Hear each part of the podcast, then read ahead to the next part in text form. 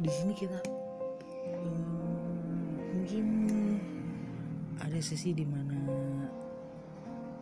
ini cuman kalau kesah.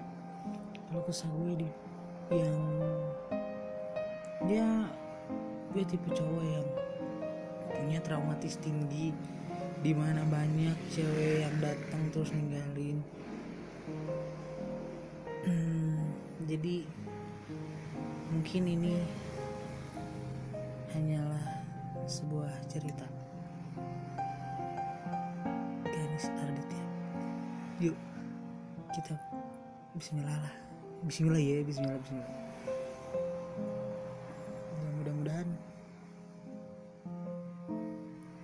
kalian bisa nerimanya. Yuk, Assalamualaikum.